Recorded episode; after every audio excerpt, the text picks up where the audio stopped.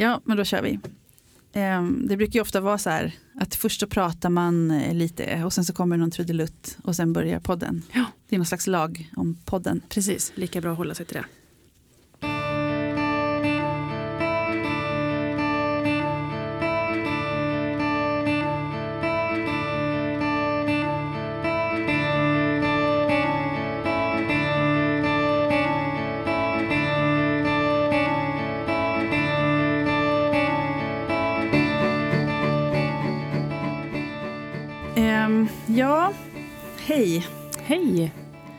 Vi ska prata om eh, skolavslutningar i kyrkan. Mm. Ehm, och jag tänker att vi kommer prata om det, men vi kommer också prata om himla många andra saker bredvid det som har med det att göra, tror jag. Mm. Men vi kanske ska börja med att säga vilka vi är. Det tycker jag låter bra. Börjar du. Jaha. Ehm, jo, jag heter Sofia Lille Jönsson och jag är eh, kulturjournalist. Jag skriver ehm, artiklar. Och eh, det har varit väldigt mycket om Svenska kyrkan. Det har jag sysslat med eh, särskilt eh, de senaste tio åren.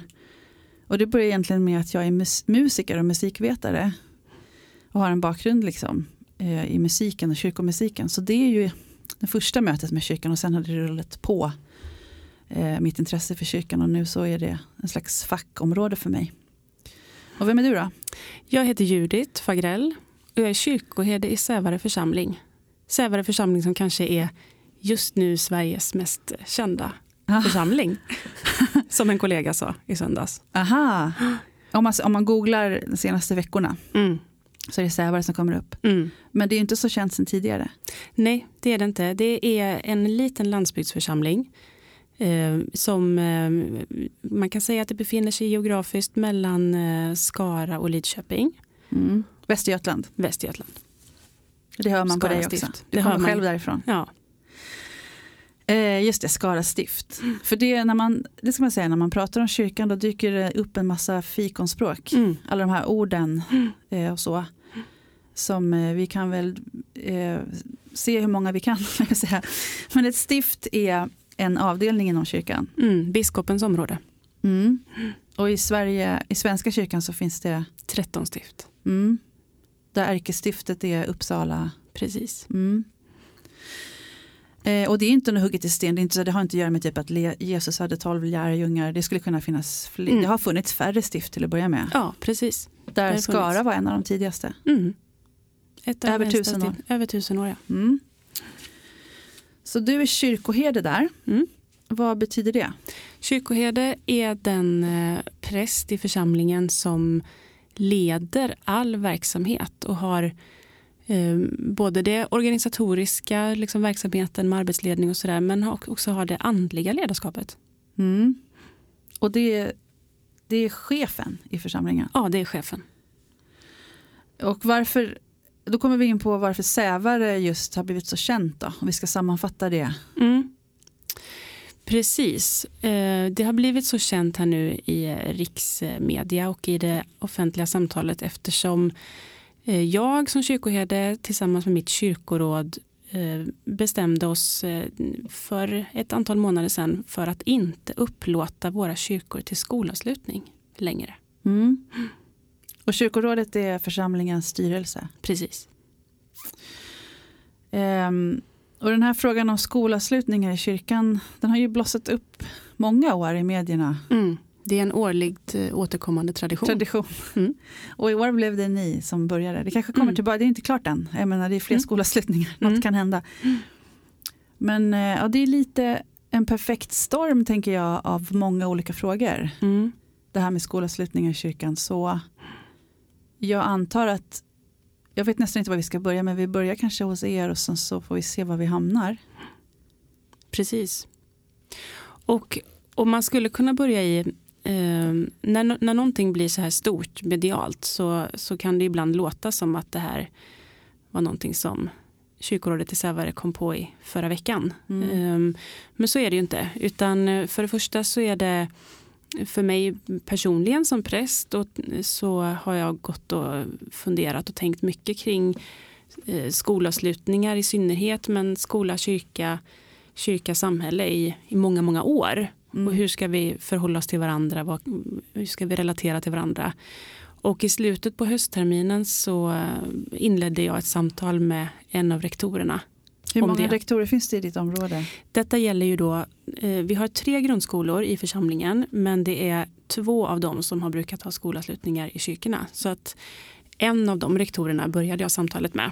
Mm. Eh, och vi möts ju med regelbundenhet, kyrkoherde och rektorer. Man samtalar om gemensamma frågor och sådär.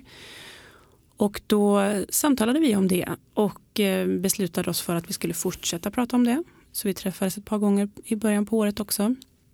Och, eh, om skolavslutningar? Ja, precis. Och hur, hur, på vilket sätt vi vill att kyrk, församlingen och skolan ska samarbeta. För vi har ett ett, eh, sen många, många år ett rikt samarbete eh, under hela året där församlingen har ett väl utarbetat skolprogram med allt från påskvandringar och julvandringar och helgonasamling och sånt där som är ganska vanligt att församlingar har.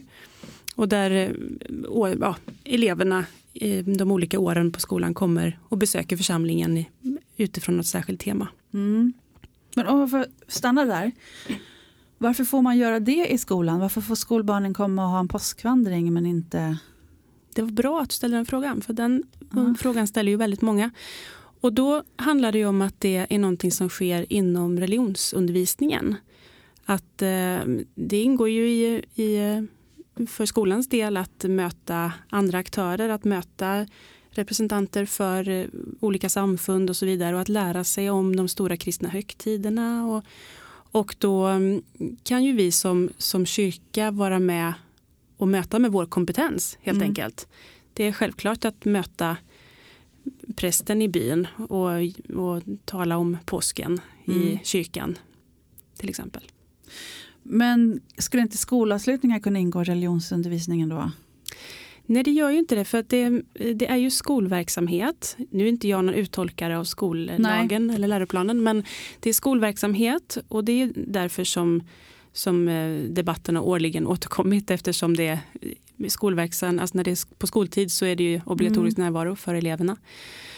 Men, eh, men det, det tillhör ju inte undervisningen, det tillhör ju inte religionsundervisningen och utan istället så skolavslutningen har ju någon ja, som, som präst så skulle jag vilja säga att den har någon konstig liten halv eh, halvgudstjänst betonad form. Mm. Att det kan framstå som att det är någon typ av gudstjänst fast det är det ju verkligen inte är. Det är ju skolans verksamhet, det är ju inte församlingen som ordnar en skolavslutning. För att eh, Skolverket har, det statliga Skolverket eh, har riktlinjer kring det här. Och då finns det uttalat eh, ifrån Skolverket när det gäller skolavslutningar. Ska vi se här, jag ska citera att eh, det är otillåtet att använda religiösa inslag som bön, välsignelse och trosbekännelse mm. i en skolavslutning. Mm. Um, så det är uttalat att det får inte vara konfessionellt mm. eh, då. Det, så, det kom en avhandling förra året faktiskt. Mm som heter Skolavslutningar i kyrkan och spelet om religion i svensk skola. Mm, det är väldigt spännande. Ja, det, den borde många plocka upp. Och författaren heter Viktor Aldrin. Ehm, jag har tittat lite på den. Ehm, och eh, då konstaterar han för det första att det inte finns så mycket forskning. Ehm, och att det är på sätt och vis ett nytt fenomen och att det både verkar ökande med antalet gudstjänster och minskande Eh, Eh, det är en upplevelsefråga, vi kommer säkert komma in på det mer, vilka reaktioner du har fått. Men i den avhandlingen så sägs det att det första man ser av förbud mot skolavslutningar i Sverige är Uddevalla. Det är ehm, Uddevalla kommun som eh, 1992 tror jag eh, inför ett förbud mot skolavslutningar. Och då sker det efter en anmälan från en förälder och eh, om man kommer fram till att det är inte förenligt liksom, med den synen. Och argumentet är att eh, det ska breddas. Ehm, de eh, livsåskådningarna som barnen möter. Och då är det enligt den här avhandlingsförfattaren de livsåskådningar man talar om är ateism. Sen så talar man om andra religioner men den diskussionen kommer in senare i debatten. 1992 så är det inte fråga om andra religioner. Liksom, utan det som växer är att om det ska vara religion alls. Liksom, eller tro, trosfrågor. Men det är 92 i Uddevalla som är det första. Och efter det så börjar Skolverket utarbeta och behöva liksom hantera de här frågorna och då utarbetas. Men en intressant grej också som finns i den här avhandlingen är ju att det kom en ny läroplan för, för grundskolan 94. Mm. Och då, eh, då infördes, det var ganska omdebatterat då minns jag, och det står ju faktiskt kvar vad jag vet, eh, att skolan vilar på kristen etik och västerländsk humanism. Mm. Som jag för mig så var det KDS kanske de hette då, Alf Svensson. Mm. Som fick in det. Politisk kompromiss som läroplanen verkligen ofta är. Men samtidigt för att, och då är det som att då fick de in att det skulle stå kristen etik. Men då, då måste man som en politisk kohandel få in att det också står konfession, konfessionslös. Så nya, någonting som inte tidigare var uttalat kom in som begrepp. Mm. Och då är, enligt eh, Viktor Aldrin så har Skolverket tolkat eh, snarare den här skrivningen om att den ska vara konfessionsfri eller hur de nu uttalar det. Men det får inte finnas något uttryck för, för tro, mm. för religion. Samtidigt som skolan då vilar på kristen etik men den ska vara trosbefriad. Så det finns en politisk dragkamp här som också ställer saken på sin spets. Mm. Och, och det finns också en, en, eh, en historia mellan, i Sverige, alltså mellan Svenska kyrkan och skolan mm. såklart. Um, eller kristenheten i Europa överhuvudtaget, men, men i Sverige där, där vi har en unik historisk relation. Mm. Uh, och inte minst då på alltså där, där prästen, där kyrkoherden har suttit i skolstyrelsen kanske eller mm. varit, mm. varit lärare också för den delen. Mm. Så att det finns ju en, en unik eller en, en tydlig historisk koppling mellan skola och kyrka. Absolut. Det finns det. Eh, visst, alltså jag skriver lite om det där just nu för jag gör ett uppdrag i Västerås stift. Mm.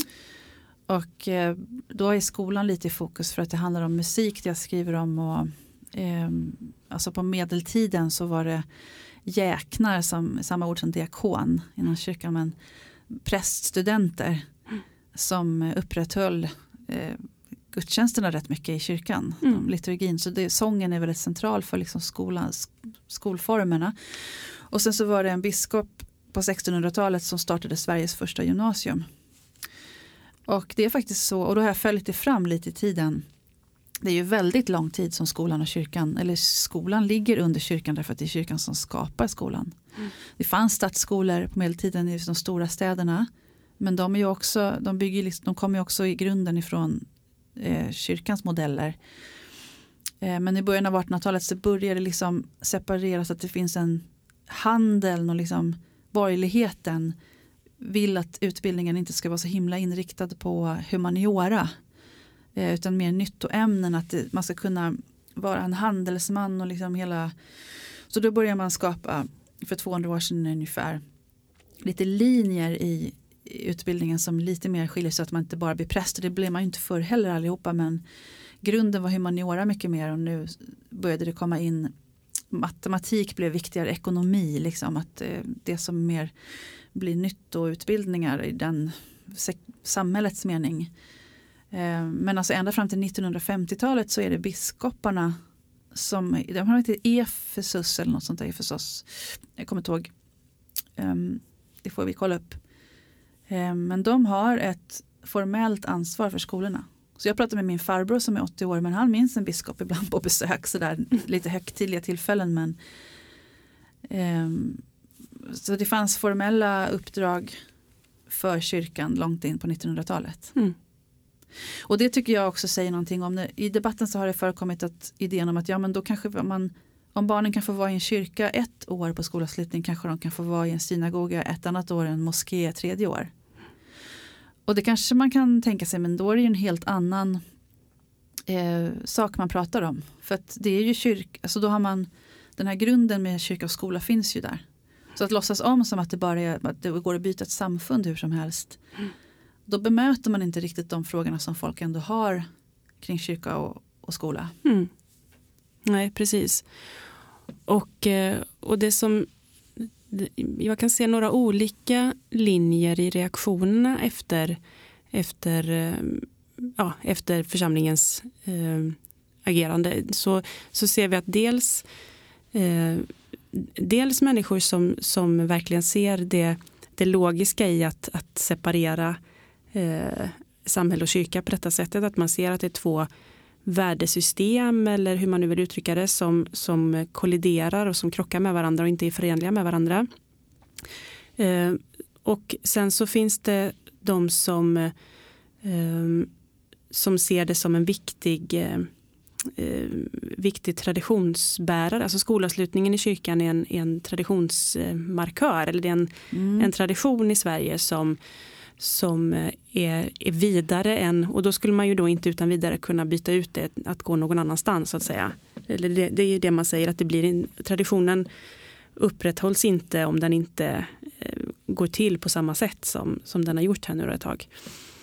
Eh, och, eh, och sedan Eh, sedan finns det de som, som inte alls har någon vana vid att, eh, alltså ingen, har ingen erfarenhet av, av den här traditionen. För det är också, det är också en väldigt, väldigt spretig tradition mm. i landet vad vi kan se utan att jag har undersökt det. Så, men det hjälper oss den här avhandlingen till exempel att mm. se lite. Men bara att se i, inom vår egen församling här, och om man tar Sävare församling som exempel, så ser vi att det har spretat ganska, olika, eller ganska mycket på olika platser inom församlingen och i olika tider. Mm. I avhandlingen så visar han att det finns ganska få undersökningar. Undersökningar kan ju ställas frågor på olika sätt. Så det är mm. svårt att kanske jämföra undersökningarna. Men det, det, kan hända att det är tidningar som har frågat eller ett annat underlag som har visat. Eh, men han menar att det är snarare ett storstadsfenomen. Alltså man, man ser att det är i eh, de stora städerna i, i, Sverige som det är mer, tvärt emot mediebilden. Eh, därför att landsortstidningarna lyfter ofta fram sina skolor medan de stora rikstidningarna diskuterar sakerna mer i princip. De pratar inte om, det finns så många skolor i Göteborg och Stockholm. Så eh, om inte det händer något alldeles särskilt så skriver man om det. Men annars så är det liksom en opinionsfråga i riksmedia. Mm. Medan det blir lite mer konkret eh, på marken. Mm. Man utgår från en verklig mm. faktisk skola. Men vi pratade lite tidigare och då sa du att du märker en skillnad i generationer på hur van man är vid det här. Eller hur man, vad man själv har med sig mm. det från sin erfarenhet. Mm. Precis, eh, och det, det är många, det är kyrkvärdar och kyrkorådsledamöter till exempel som har gett uttryck för det. Alltså de som kanske är 40-talister eller 50-talister alltså som, som eh, berättar om eh, den erfarenheten de har från sin egen skoltid är att, att det inte var skolavslutning i kyrka mm. utan att det var i klassrummet eller om det fanns någon gemensam stor sal i, i, eh, i, skolan eller så. Och att det var läraren som, som ledde det och, och de berättar minnen om hur de hade plockat blommor och satt i bläckhornet. Och, så, att, så att det um, den seden eller traditionen med skolavslutningar i kyrkan, är, det, det, går inte, det är ju lätt att um, det blir ju lätt så i debatten att man säger att så här har det alltid varit. Och, mm. och det där med har alltid varit tycker jag att man ska skrapa på lite på ytan och säga för det, vad betyder alltid har varit? Eh, mm. Och vi kan se att just i Sävare församling så, eh, så, så kan vi se att det kanske är sedan 60-70-talet. Mm. Eh, men att det har spretat väldigt i församlingen också. Lite olika år, olika kanske hur långt det har varit mellan skolhuset och kyrkan. Mm. Eh, och eh, ja, så att det, det, har, det har spretat ganska mycket. Men det är ju mannaminnen då, eh, det är ju en generation tillbaka. Vad säger mm. du till dina församlingsbor som kanske är vuxna nu och som har ett eget minne av att alltid varit i skolan, äh, kyrkan? Det, jag, jag säger detsamma som jag har upprepat hela tiden. Att, att eh, kyrka ska vara kyrka och skola ska vara skola. Ja, vad säger de då? Förstår då de det? Väldigt många förstår det. Eh, och eh, har... Eh, och, alltså en, många, många tycker att det är... Eh, det finns ju olika reaktioner på det naturligtvis. En del tycker inte alls att man har någon förståelse för det. Man tycker att det är en svensk tradition och att det, att det ska vara en kyrklig tradition. Eh, och att det är viktigt att vi visar att, att, eh, att i landsbygdsförsamlingen så får de traditionsuttrycken finnas. Eh, och sen så finns det som, som de som tycker att det har varit en fin tradition men, och att det är sorgligt att den inte kan att det inte fortsätter men att man förstår argumenten för. Mm. Man, man, kan se logiken, man förstår argumenten. Eh, och ser också att vi är, det är ett annat samhälle idag Mm. eh, än när man själv växte upp. Att man, kan inte, man kan inte fatta beslut idag på erfarenheter som Nej. jag hade när jag gick i skolan på 70 och 80-talet. Ja, det är sant. Det blir lite sådär. Så där var det ju för mig. Ja, men det är Mm. många saker som var annorlunda på 70-talet. Ja, precis. På, i, I alla möjliga saker man gör. Mm. Och det var, det var ett annat samhälle, en annan skola, men det var framförallt också en helt annan svenska kyrka.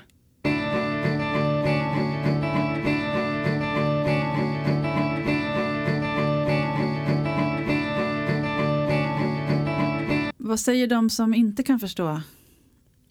Då är, eh, det, är eh, ganska mycket, ganska ofta som begreppet tradition eh, återkommer. Ehm, och att, men sen också att man, att man tolkar det som att, att församlingen stänger dörren Mm. för sina församlingsbor. Alltså att stänger liksom Mm. väldigt eh, konkret stänger kyrkans dörr. Eh, och eh, så, så är det ju inte. Mm. Alltså Sävare kyrka, om man talar rent konkret så är Sävare kyrka öppen varje dag Mm. mellan sju och sju. Dörren är upplåst. Den är upplåst. Eh, men det här blir någon sorts eh, symbolfråga Mm. Och, eh, och det är naturligtvis inte den bilden som församlingen vill förmedla att vi skulle stänga, att man stänger dörren för människor. Och det, det, det gör vi ju inte heller. Vi firar gudstjänst och har kyrkorna öppna och eh, möts skola och kyrka eller skola och samhälle i många olika, Mm. många olika sammanhang och församlingen består ju av människor. Mm. Men, eh, men det, det är tydligt att det är en symbolfråga och i och med att det också handlar om barn Mm. så, så blir det också, eh, eller också ett, någonting som människor gärna eh, använder som argument. Alltså att stänga ute barnen är ju Mm. ännu värre då. Ja. att, mm, ja men precis, jag såg att det var någon, eller det är flera som jag sett reaktioner i kommentarsfält och sådär. Mm. Att det var någon, eller flera som har citerat eh, Jesus när han säger låt barnen komma till mig och hindra dem inte. Mm. Och vid något sånt tillfälle så svarade du bara sådär, ja vore det inte bra för jag kunde säga det? mm, precis. För det som en kärnfråga här är att du som präst får inte tala du får inte citera bibeln Mm. på de här skolavslutningarna. Mm. Hur, hur kan det se ut liksom i praktiken? För du har haft många skolavslutningar Mm, jag har haft jättemånga skolavslutningar ända sedan jag prästvigdes. för- i andra församlingar också. Mm. Mm. Och i alla församlingar där jag har tjänstgjort så har det varit tillfällen där rektorer har velat exempelvis läsa manus i förväg. Eh, och eh, ja, det, har- det har hänt i alla församlingar där jag har tjänstgjort. Och jag har eh, hört det vittnesbördet från mängder av kollegor också. Ja. Inte bara i ditt stift. Nej, och nej, över, hela, över hela landet och det är inte särskilt nu efter, efter att det blev medialt det här så är det många präster och andra församlingsmedarbetare som har hört av sig. Och, eh, och jag har aldrig visat ett manus. Det är inte alltid jag har ett manus att visa för det första. Nej. Ehm, och, eh, och, Det, det är en helig ande kommer till mig ska du säga då. Ja, precis. Så jag, jag har inget manus att visa och sen skulle jag aldrig göra det för att det är ju en form av censur i värsta fall. Mm. Eh, och det eh, går jag inte med på. Och det, det ska vi ju inte. Och Då har du sagt nej det kan jag inte. då har jag sagt att nej det kan jag inte och nej det vill jag inte. Mhm. Eh, och då har rektorerna eh, oftast när man, då har man ju ofta suttit eh, i ett samtal med rektor på tu man hand så att säga för att man pratar om avslutningen eller vad det nu är, ja, Mm. eh, som man går igenom programmet och sådär. Och, och rektorerna har ju ett ansvar, de har ju ansvar för, för skolavslutningen för det är skolverksamhet. Mm. Så att, och och där, där är deras direktiv tydliga att de får inte släppa kontrollen. Mm. De måste ha kontrollen. Och medan jag som kyrkoherde ansvarar för allt som sker i kyrkan oavsett om det är vem som än är där Mm. så, och har en offentlig verksamhet så ansvarar jag och kyrkorådet för det som sker där. Och det är precis då de här systemen krockar med varandra. Mm.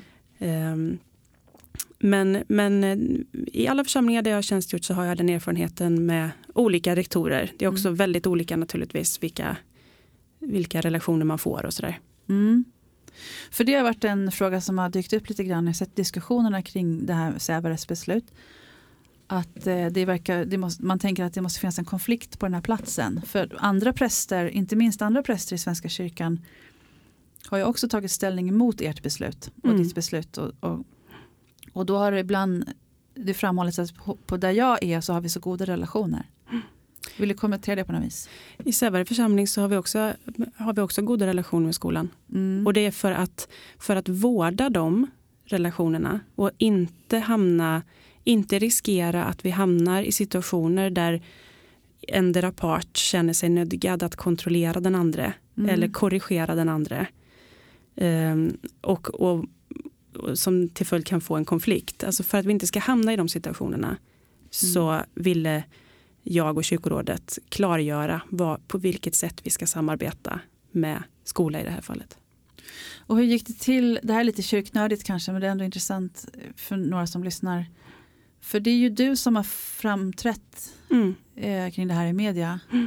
Men du har styrelsen då, kan man säga, kyrkorådet mm. med dig. Mm. Var det så att du fattade ett beslut och sen så har de backat upp det eller hur gick eh, ordningarna in bakom, bakom ridåerna? Eh, det började med samtalet med, med rektor började eh, och sen så i februari eh, informerade jag kyrkorådet om samtalen med rektor som hade fortgått. Och jag har, alltså enligt delegationsordningen då, eller mm. ordningen som finns, så är det att det är kyrkorådet som, som upplåter kyrkan till någonting annat än gudstjänst så att säga. Men att kyrkoherden har det på delegation. Mm. Så att det är ju, det är ju mitt beslut att ta helt enkelt. Eh, om vi ska helt enkelt upplåta är begreppet vi använder men liksom låna ut. Mm, hyra. Hy, låna ut eller hyra ut kyrkan till någonting annat än församlingens gudstjänster. Eh, så att, eh, och eftersom jag visste att det här var att det här är en stark tradition där just i, i den församling där jag tjänstgör och jag vet att det här är ett årligen brännande ämne så ville jag trots att jag har mandatet att, att fatta beslutet själv så ville jag mm. att det mm. skulle vara i kyrkorådet för att det skulle vara ett brett, brett underlag och att det skulle finnas i protokoll och så vidare. Mm. Uh, för, att, att, för att skydda dig eller för att skydda dem? Skulle både, både och. Du tänkte att du visste att det skulle blåsa lite det här? Absolut.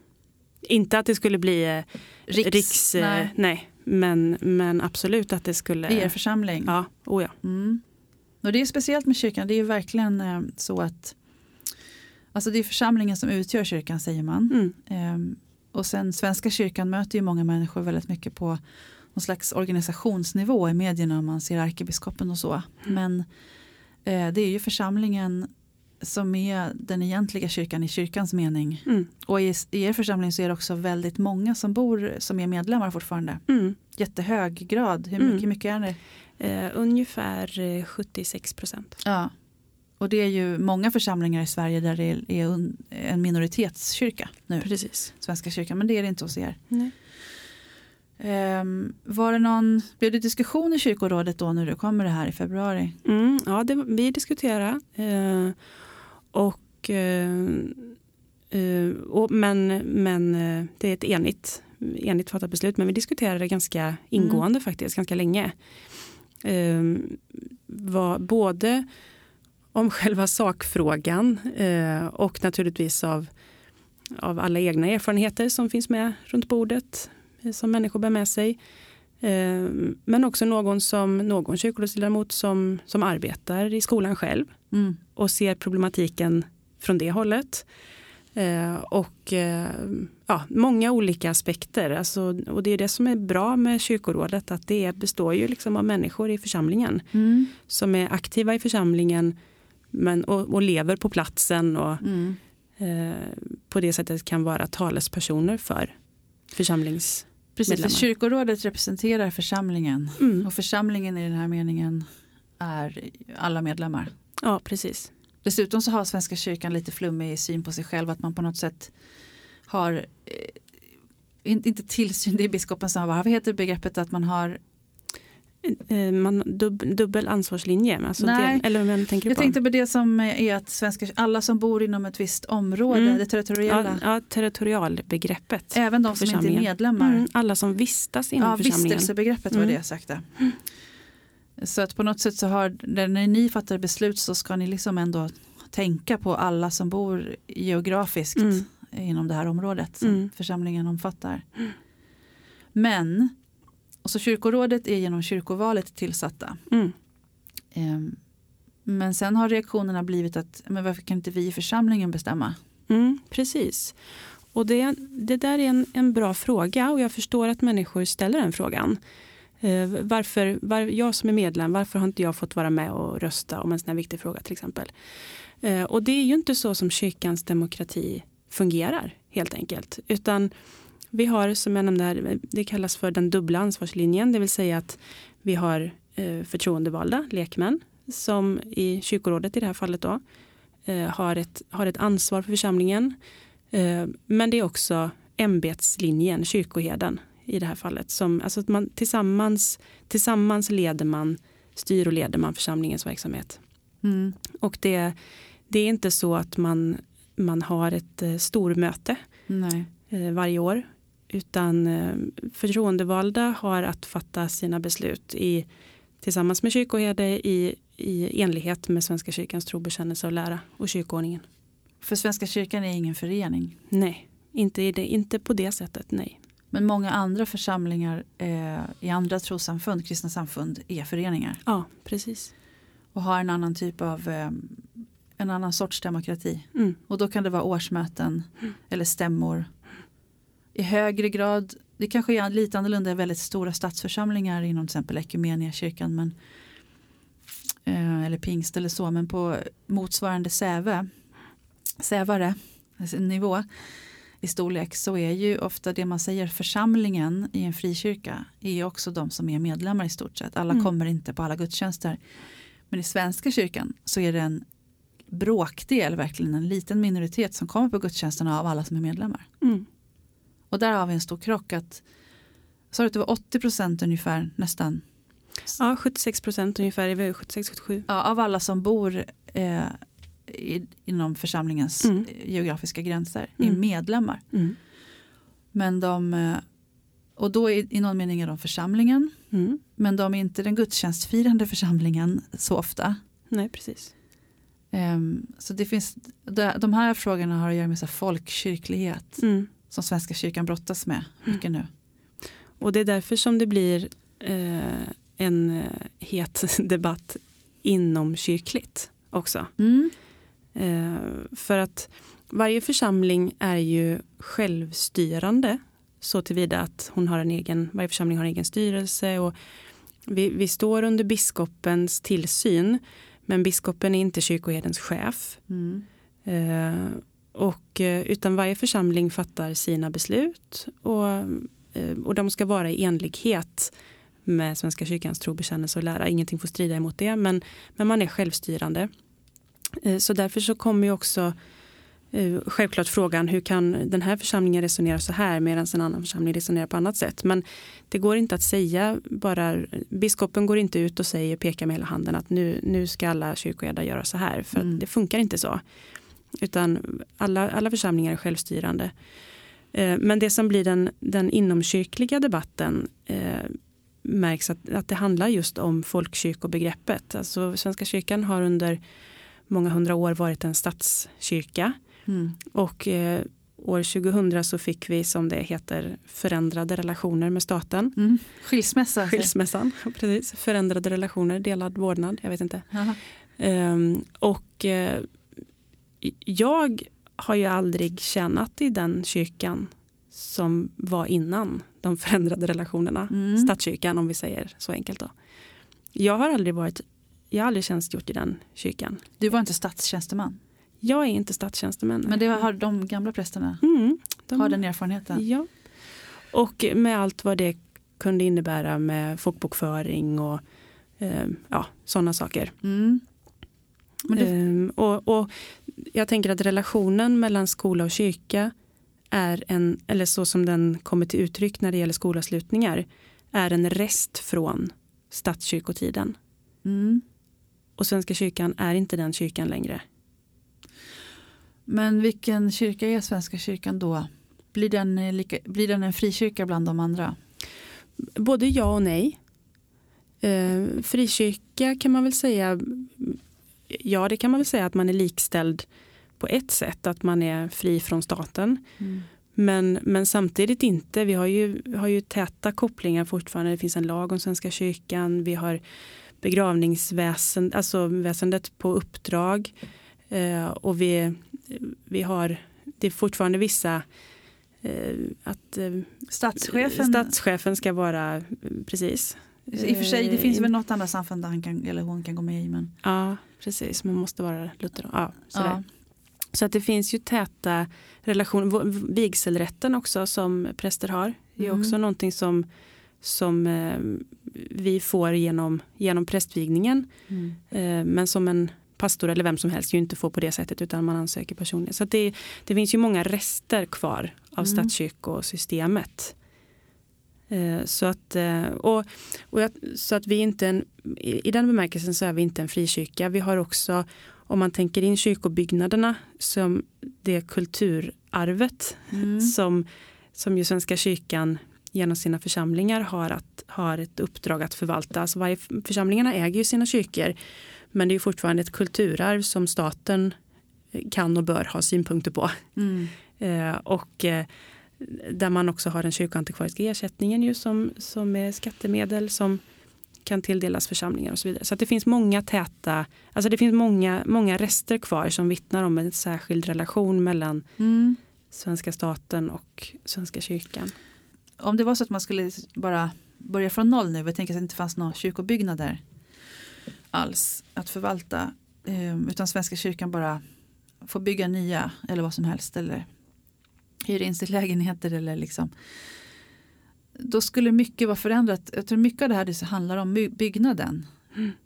Och i människan, svenskens relation till kyrkobyggnaden är inte så mycket så här vi behöver en lokal för det finns stora lokaler liksom lite här och var.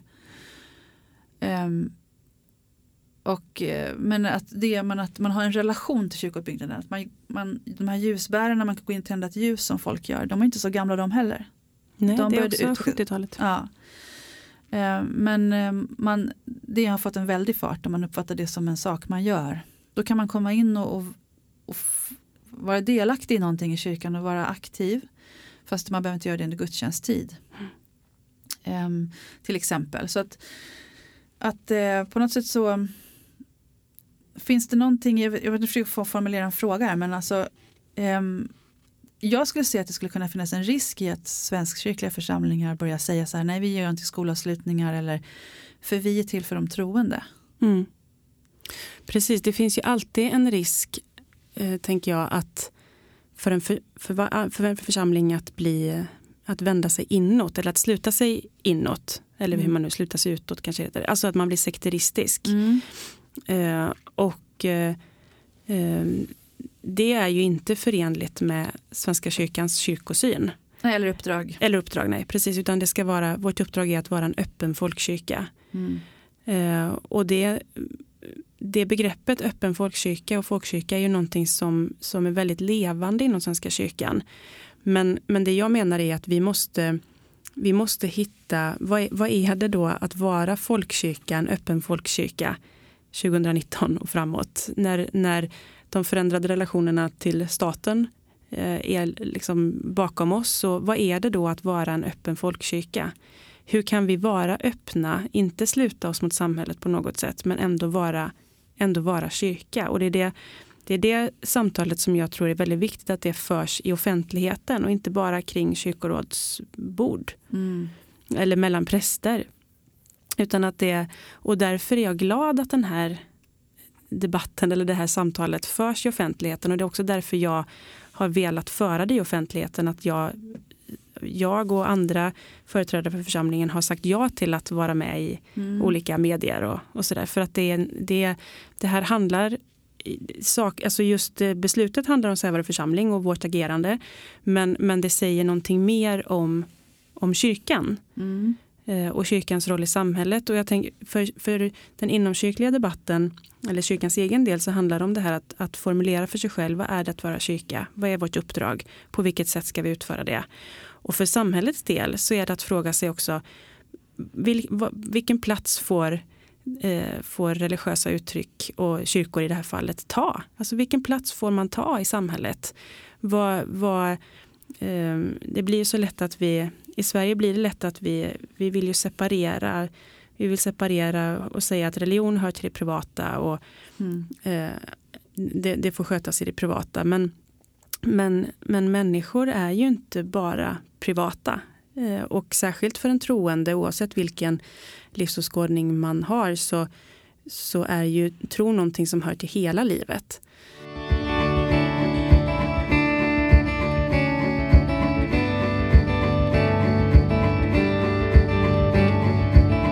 Skolverket använder just en definition mellan tradition och religion. Mm.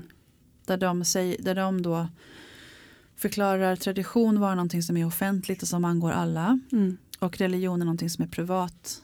Och det ska man inte behöva utsättas för. De pratar om mm. frihet från religion, att barn har rätt till det. Mm. Och då, då blir det omöjligt att komma in i en kyrka ens. Ja, ifall man har en så snäv definition av, av, eh, av religion så, så blir det eftersom, eftersom eh, kyrkorummet för församlingen eller för den kristne är ett heligt rum och som inte slutar att vara ett heligt rum för att prästen går ut ur det eller, mm. eller går in i det. Eh, utan det är alltid ett heligt rum.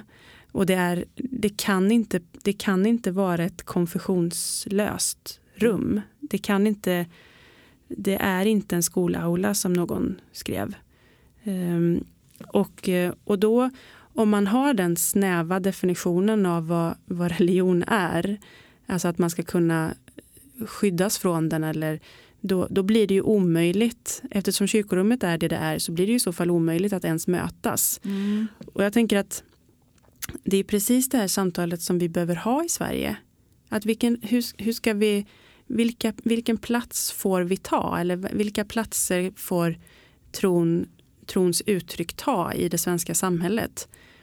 Eh, och, och kanske förhoppningsvis så kommer vi kunna fortsätta det här samtalet om tro och samhälle så, och, och, och, mötas där vi, kan se, där vi kan ha en lite generösare syn på varandra. Mm. Men just nu så, så tror jag att det behöver tydliggöras vad som är vad. Mm. Vad, vad är i det här fallet skolans uppgift och vad är församlingens uppgift. Um, men, men att men att eh, det, vi, det vi kan göra tillsammans, det vi, ska, det vi kan göra tillsammans, det ska vi göra tillsammans. Och vi ska samarbeta, men inte på premisserna att någon kontrollerar den andra från båda håll. Mm.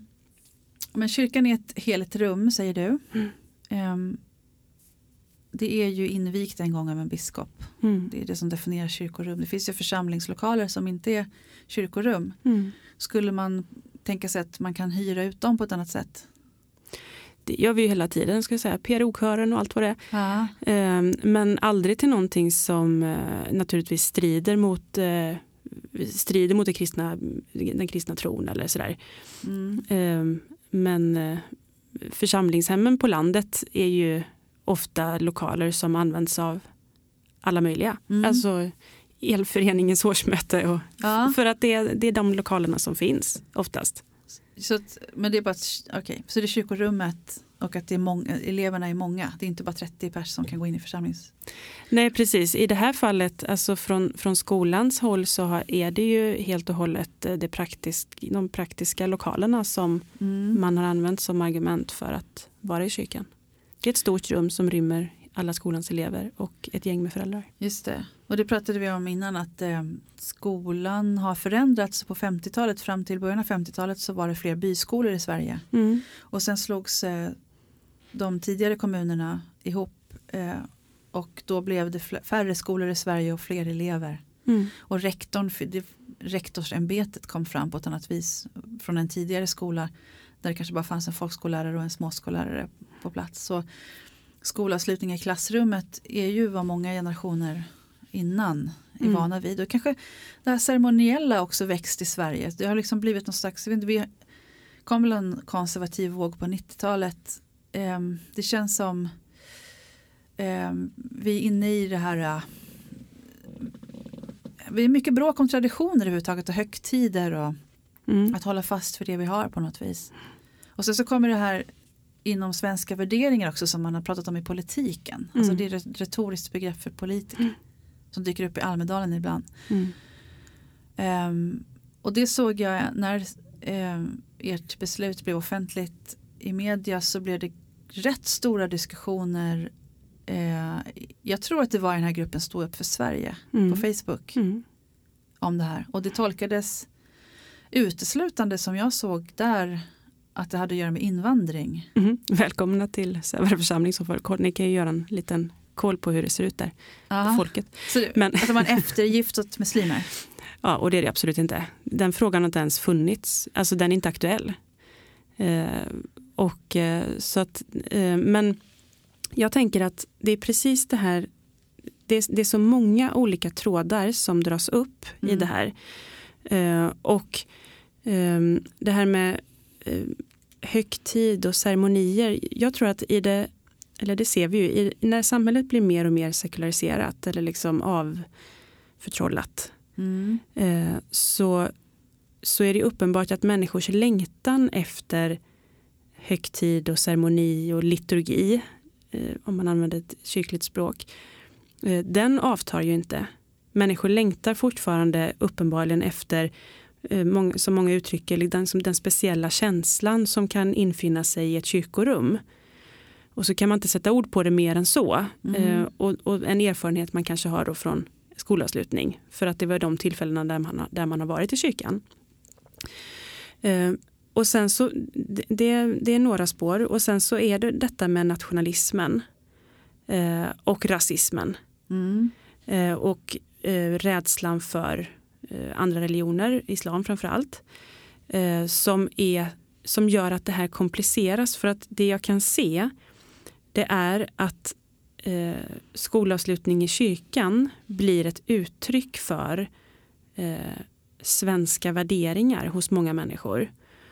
Och eh, det som jag tolkar att man lägger in i begreppet svenska värderingar är ingenting som kyrkan som församlingen eh, kan ställa upp på. Mm. Församlingen, kyrkan, är inte en förening där man utövar vissa kulturella uttryck som är svenska värderingar eller svenska traditioner. Utan församlingen är ju gränslös, ska vara, kyrkan är gränslös. Det finns inga geografiska gränser, inga gränser mellan kön, inga gränser mellan människor av olika kultur och ras och sådär. Utan, så kyrkan är ju motsatsen till det som de som värnar om kristna eller svenska traditioner och svenska värderingar ofta värnar om. Och risken finns att, ehm, att, att kyrkan blir kidnappad av eh, människor som säger sig värna om församlingen men egentligen, Folkkyrkan. ja, men egentligen värnar någon Svenska sorts, sven, folkkyrkan. ja, någon sorts svenskhet eller nation. Eller, Mm. och det där tror jag vi måste vara vaksamma för. Mm. Eh, och det är inte någonting som man kanske ser vid första anblick. Eh, men eh, det, vi ser ju det till exempel när eh, SD talar, alltså det finns ju med i kyrkovalet till exempel, att man talar gärna om ja, Sverige förr i tiden och kyrkan mitt i byn och Mm. det är liksom kyrka i motljus och sådär. Eh, och, men, och jag tror att Svenska kyrkan och kyrkan i stort måste vara vaksam Mm. i vad man låter sig Användas till. användas till. Ja. Det finns ett förslag som du har fått är att ni skulle ha en frivillig skolavslutnings Mm. riktig gudstjänst. Då, Mm. bara, då kan ni dra på. Mm, Välsignelse och hela balletten. precis, och då har mitt svar varit att det gör vi varje söndag. Ja, Välkomna!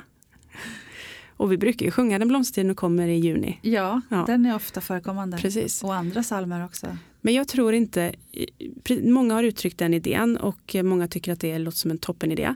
Ehm, och jag tänker att, att vi ska inte uppfinna saker som, alltså vi, vi firar redan gudstjänst. Församlingens uppdrag är att, att liksom fira gudstjänst eh, och att, att, att vara kyrka. Eh, och i det ska vi be och välsigna och välkomna alla, alla människor. Men vi ska inte, vi ska inte uppfinna sådana här saker som på något sätt skulle befästa eh, splittring. Mm. För att det är ju om, om då inte alla skulle vilja delta i det mm. så har ju vi varit, gett upphov till manifestationen av en splittring. Mm. Och det ska inte vi göra. Plus att det alltid finns risken, som, att det finns risken som jag sa att bli kidnappad av, av rörelser som, som vi inte vill bli använda av. Jag har inte riktigt eh, följt alla processer men jag vet att för några år sedan så var det, eller något år sedan sådär, så har det funnits andra delar av Sverige där föräldrar har tagit initiativ då till eh, och det kanske har blivit så också. Det är så här, jag kommer inte riktigt ihåg de artiklar jag har läst. Men att det är just att ganska tydliga sådana förtecken av att vi ska hålla liv i våra svenska traditioner. Och mm. nu, fast då har det varit att skolorna, oftast är det så att skolorna har bestämt att inte ha avslutning i, i kyrkorna. Det som är inte helt nytt tror jag, men ändå ganska fått mest uppmärksamhet då med ert beslut är att det kommer från kyrkan. Mm. Men tidigare så är det så att det är skolor här och var som har fattat beslutet och då har ibland föräldrar lokalt, kanske ihop med kyrkorna, bestämt att ha separata och då blir det väl så här, vi som ska hålla liv i våra svenska mm. traditioner så som jag har uppfattat det och det blir om det blir väldigt tydligt då att de som i alla fall inte tillhör den kristna församlingen kommer. Mm. Eh, så det är så att man befäst, man skapar någonting som kanske inte ens hade behövt finnas. Man uppfinner hjulet, det finns redan gudstjänster. Mm. Det är ganska bra.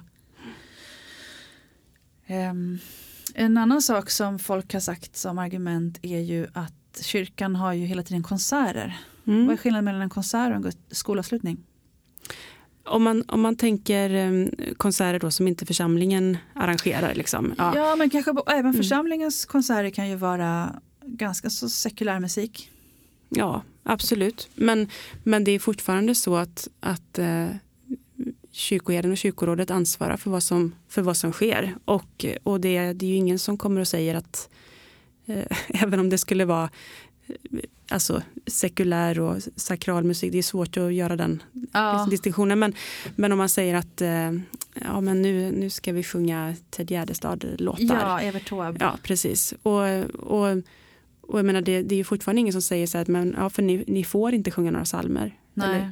utan och det där ser väldigt olika ut i olika församlingar. Och, um, i, um, där, I Sävare församling där jag är så har vi, när vi har hyrt ut, i de fallen vi har hyrt ut kyrkan till en konsert, alltså en gästande artist som har velat ha en konsert i en specifik kyrka, så har det varit i samarbete med församlingens körer och eh, tjänstgörande präst har haft en aftonbön och sådär. Alltså så att det, mm. det är liksom en, de har gjort ett, det är ett samarbete Eh, och eh, församlingen, det ser också väldigt olika ut i olika församlingar men vår församling tar ju aldrig eh, inträde eller sådär utan då, det kan ju vara att det är en enskild artist som har gjort det men det är ju aldrig någonting som församlingen tar ju inte betalt av sina medlemmar. Mm. Utan, så det är, ju, det är ju skillnaden mellan att en skolavslutning och en konsert det är att, att, att det är ingen som dikterar några villkor. Nej. Men om, omvänt då, om det hade varit så att du råkade ha eh... Jag fick den frågan av P4 Skaraborg faktiskt, tror jag. Ja. Den frågan du söker efter. Alltså om du fick göra vad du vill, ja. hur skulle det se ut då? Alltså om, om du fick, eh, jag fick ja. den frågan om... Skulle du ha sagt nej då? Liksom? Om, om du fick lägga upp en, om du fick bestämma hur, hur, då, då skulle, hur skulle skolavslutningen se ut då i kyrkan? Och då svarade jag att då skulle vi inte ha några skolavslutningar i kyrkan mm. då heller. För att jag tycker att det det är min fasta övertygelse att vi, ska, att vi ska klargöra vad som är vad. Och jag tycker att skolan ska, ska vara fri från påverkan av olika ideologiska strömningar. Alltså det, det ska vara, det, det är mm. så som skolan ska se ut. Och församlingen ska ägna sig åt det som församlingen ska göra. Vi ska inte ha de här Ehm, vi ska inte ha de här låtsassamarbetena som vi inte riktigt kan reda ut vad det är. Utan, utan vi ska samarbeta på olika sätt där, där vi klart och tydligt kan vara i våra olika roller och vara fria, fria mm. aktörer liksom i det. Ja, Svenska kyrkan är inte leverantör av mys och högtidlighet har någon sagt. Precis. Fast det kan vara bra nära, det flyter ihop sådär mm. om man går på första advent. Mm. Det är ju mysigt, eller mm. julottan, mm. mm. midnattsmässor. Mm. Men eh, det var ju en debatt i SVT Opinion om det här. Mm. Och då så var det en man i publiken tror jag som blev tillfrågad efter debatt. Eh, Lars Gårdfält, en präst, mm. var där och hade framhållit att eh, han eh, tycker att vi har en öppen kyrka, det kommer en massa turister till min kyrka. Mm. Eh, pratar han om flera gånger att det är öppet.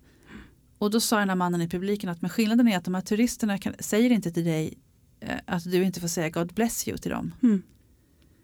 Att visst kan de gå omkring där och titta på kyrkan och om kyrkan är upplåst så kan man komma in i den. Mm. Men de dikterar inte vad som får ske i den kyrkan. Mm. Eh, det var ganska bra svarat tycker jag. Mm. För det är inte som att ni hindrar turister i era kyrkor heller. Nej. Eller barn. Eller vem som helst. Nej. Eller muslimer eller vem som vill komma in och vara med. Vem som helst får komma in. Det är liksom meningen med kyrkan. Det är meningen. Och till och med så att kyrkorådet har liksom fattat ett inriktningsbeslut att vi ska arbeta för att hålla våra kyrkor så öppna som det bara går. Ja, och då menar du upplåsta? Precis, så mycket vi bara kan. För det är ju många håll faktiskt i landet där kyrkorna ute på landet är låsta. Mm. Det kan man märka när man kommer förbi, om man, särskilt när man är turist. Mm. Så kanske man kommer till en ort och så är den låst på sommaren. Mm. Som bland annat har att göra med att det, står, det är sådana rikedomar där inne. Mm. Så att man måste skydda dem. Mm. Ett, ett, väldigt unikt problem som Svenska kyrkan har mm. bland samfund i Sverige. Att förvalta så himla mycket gamla grejer. Um, men sen har du också en biskop eh, som heter Åke Bonnier i Skara. Mm. Och han har ställt upp bakom det här beslutet. Mm. Var han också införstådd innan det hände? Eller blev, läste han det i tidningen? Eh, jag kontaktade honom när eh, ska vi säga, ja, det var innan det blev medialt, ja. Eh, inte så tidigt som att när kyrkorådet eh, mm. fattade eller diskuterade. Eh, men när Eh, när skolorna, alltså när rektorerna hade gått ut och börjat informera vårdnadshavare då kontaktade jag biskopen och sa vad som var på gång för jag vet, var beredd på att det skulle bli reaktioner. Och det här har blivit, du, du var inne på det, men den inomkyrkliga debatten i Svenska kyrkan eh, det har skakat om lite. Mm. Du, du, har fått rätt mycket reaktioner offentligt men säkert också en del mm. mejl och så kan jag tänka mig. Väldigt mycket, hundratals mejl. Ja. Eh, från eh, alla möjliga. Eh, alltså, eh, både, alltså om man tänker den just kyrkliga sfären så är det präster, eh, församlingsmedarbetare, församlingsmedlemmar överlag. Så, och det är eh, företrädesvis människor som, som stöttar mm. församlingsagerande. Det är de som hör av sig också kanske? Ja, sen så har jag fått en hel del mejl med människor som tycker att det är fel mm. också. Men, men eh, jag var nog inte beredd riktigt på att det skulle bli eh, så mycket stöd för församlingens agerande som det ändå har blivit. Um, och, um, men um, det, som, det som sker i den kyrkliga debatten eller den inomkyrkliga debatten är uh, där är, jag, där är jag lite besviken helt enkelt på att vi inte riktigt lyckas hålla, eh, hålla spåret eller hålla, hålla, fokus på, hålla fokus på vad det är vi, vi pratar om. Alltså för, eh, vi är ju mycket medvetna om problematiken. Alltså det här är något som som sagt har diskuterats i alla fall sedan 90-talet mm. eh, i offentligt överhuvudtaget. Och vi vet precis eh, problematiken. Väldigt många präster kan vittna om, om vad man har för dåliga erfarenheter. Ehm, men, och det, det, är också många som, och det finns en vilja hos de svenskkyrkliga församlingarna att ha goda relationer med skolorna och särskilt vi som jobbar på landet. Ehm, vi behöver ha goda relationer. Men men eh, istället så får man det till min besvikelse grundar sig i att man, man försöker få det till att eh, man försöker göra det för enkelt. Att bara säga att här är en konservativ kyrkoherde som bara vill måna om sina rättrogna. Och hon vill inte ha någon annan i kyrkan. Och det är ju att göra det alldeles för enkelt. För att det, det, det är ju bara att gå och titta på, på sakfrågan eller se, se mm. vad som, för vi har ju debatterat offentligt hela tiden. Eh, att det handlar inte om det, det handlar om ett klargörande av vad, som är kyrkans uppgifter och för den, för den kyrkliga samtalet så handlar det om att just diskutera vad är det att vara folkkyrka mm. Eh, och hur ska vi vara eh, hur, hur ska vi vara kyrka när vi inte är statskyrka längre? Och då har en del, många präster, det är inte alltid bara präster men mycket präster som vi pratade om innan kyrkliga debatten. De har sagt saker som att eh, vi, måste, vi, vi, vi, måste öppna för möten. Att vi, måste, vi kan inte stänga för möten. Mm. Och att skolavslutningarna är en möjlighet till ett möte som ni nu stänger dörren för. Det är ett argument de mm. har. Mm. Jag tycker inte att det är, alltså det är inte Eh, vi stänger ju inte dörren för möten. Vi har massor med möten hela tiden. Mm. Vi, om man tar skola och kyrka så möts ju vi hela tiden, hela året. Mm. varje årskurs eh, möts liksom församling och skola eh, varje år. Eh, och jag tycker att man kan inte bara tala om enskilda möten och räkna upp. Eh, för det är klart att vi vet hur man fyller en kyrka. Det mm. vet ju de flesta. Alltså det är att ordna något populärt. Mm. Ta dit en artist eh, som är lite hejig. Mm. Och så fyller vi Lokal. kyrkan. Mm. Och så fyller man kyrkan och så kan man skriva höga siffror i statistiken. Mm. Men, men har det varit att vara kyrka? Har, var, var det ligger kvaliteten i det? Eh, och, och det är då jag säger, som jag också sagt offentligt, att jag möter mycket hellre 15 barn i årskurs 2 på en påskvandring eh, än 300 ungar och föräldrar på en skolavslutning. Mm. För att kvaliteten i det mötet, när jag får möta 15 barn och, och tala om påsken och de får upptäcka kyrkorummet på sina egna villkor, krypa in och titta inuti orgen och vad det nu kan vara och ställa alla sina frågor. Vilket ju inte finns möjlighet till i skolavslutningen som är en strikt regisserad vuxen föreställning. Det är en riktig, riktig predikstol-ceremoni. Mm. Mm som många vuxna kanske egentligen längtar tillbaka till och ha, mm. få liksom uppleva någon lite till. För de får inte komma in på skolavslutning, det finns inte plats för föräldrarna förstår jag. Men, mm.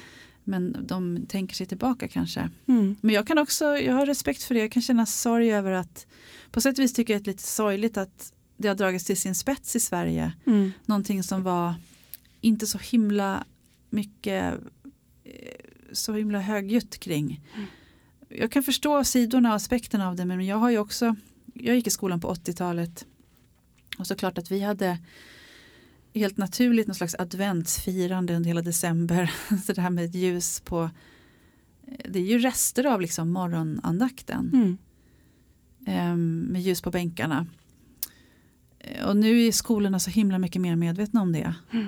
Eh, om alla sådana saker som de gör, lärarna. Och då så, ofta löser man det genom pluralism. Så att man man kan göra, man sjunger kristna sånger runt jul men då är man väldigt noga med att ta in andra religiösa eh, uttryck i andra tillfällen. Och det tycker jag, det är ju, och det här är den perfekta stormen att det krockar så många målkonflikter. Jag är helt för det. Mm.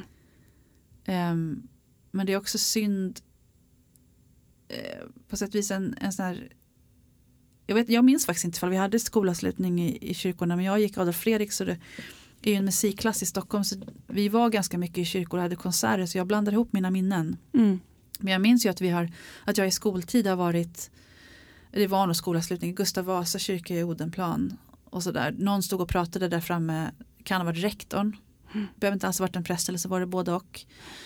Och då har man, det är ju verkligen en eh, liksom, 1800-tals eh, kommunikation. Mm. Jag, har ju, jag ska ju bara vara tyst och mm. lyssna. Mm. Men det är också härligt för det är skolavslutning och någon har lyft in syrener och sådär. Så om det är den enda relationen man har till kyrkan som många vuxna då. Att de får klä sina barn fina och, mm. och, och liksom plockar nyutslagna syrener. Um, Särskilt om man själv har erfarenhet av att vara i en kyrka. Många har ju då bara varit i klassrummet. Så det ser olika ut på olika orter då, som vi sa. Men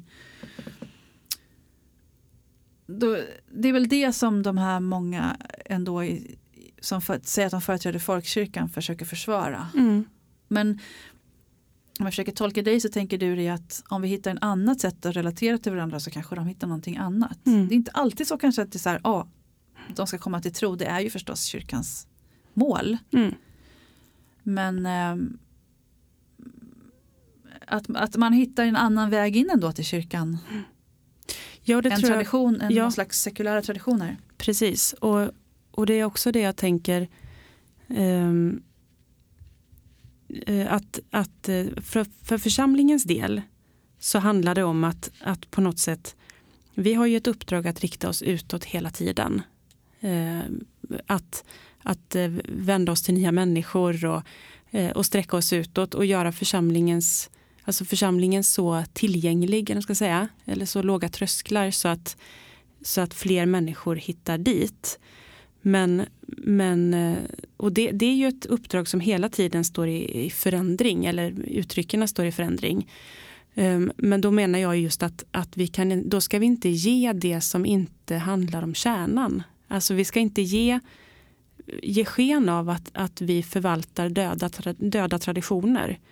Utan, utan att vi är en levande kyrka, levande liturgi och sådär. Alltså det, det, vi är inte ett museum. Mm. Det de möter är i så fall inte kyrkan ändå. Precis.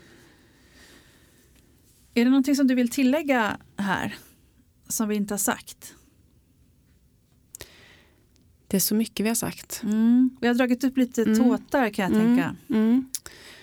Ehm, nej men jag tror att vi har, vi har berört det som alla de, de det komplexa de här, det komplexa nystan som detta är på något sätt. Mm. Och eh, just det här att det, bara jag skulle vilja tillägga är väl så för att när, när vi försöker göra detta till en enkel höger och vänsterskala, ja och nej fråga, så bedrar vi oss. För det är, mycket, det är mycket mer komplext än så och just därför har jag aldrig sagt någonting heller eh, om hur jag tycker att andra församlingar ska göra. Mm. Jag har bara redogjort för hur vi har resonerat i vår församling. Eh, Det kan finnas massor av skäl som jag inte ser eller vi inte ser. Eller som att det ser helt annorlunda ut. Sammanhanget ser ett helt annorlunda ut i något annat församling. Eh, Och man kan komma till olika. Men vad jag vill är att man ska reflektera över vad det är man gör. Mm. Att, att ställa sig frågan vad är det vi ska göra? Gör vi det på bästa sätt? Eh, och, och vad får det för konsekvenser för, för oss? De val som vi gör. Eh, och jag vet att jag, det kan jag nog säga, jag, jag, härom, när det stormade som, som mest så fick inom en timme blev jag kallad via mail först eh, vänsterliberal gränslös globalist eh, av en person som var arg. Eh, och en timme senare så fick jag ett annat argt mejl där det stod att jag företrädde en högerkonservativ eh, kristen fundamentalism. Och jag tänker att det visar ju på frågans komplexitet. Att, att, man, kan få, att man kan bli beskylld för, för båda dessa. Ja, om man tittar på det här så försöker man tolka med de verktyg man har. Ja, Och de är ofta politiska i vår tid. precis. Och det berör också andra parametrar som vi kanske inte så Mm. många har tillgång till Mm. dessutom. Mm. Ja, vi får säga så kanske. Mm. Och hoppas att vi har dragit upp och gjort synliggjort några Mm. av eh, de här parametrarna så att det går att prata vidare kring. Mm. Eh, och hoppas att eh, det blir man. Man får göra, höra, höra, höra av sig till oss om man, Mm. om man har något som man vill eh, säga till oss. Precis. Det går jättebra. Tack. Tack.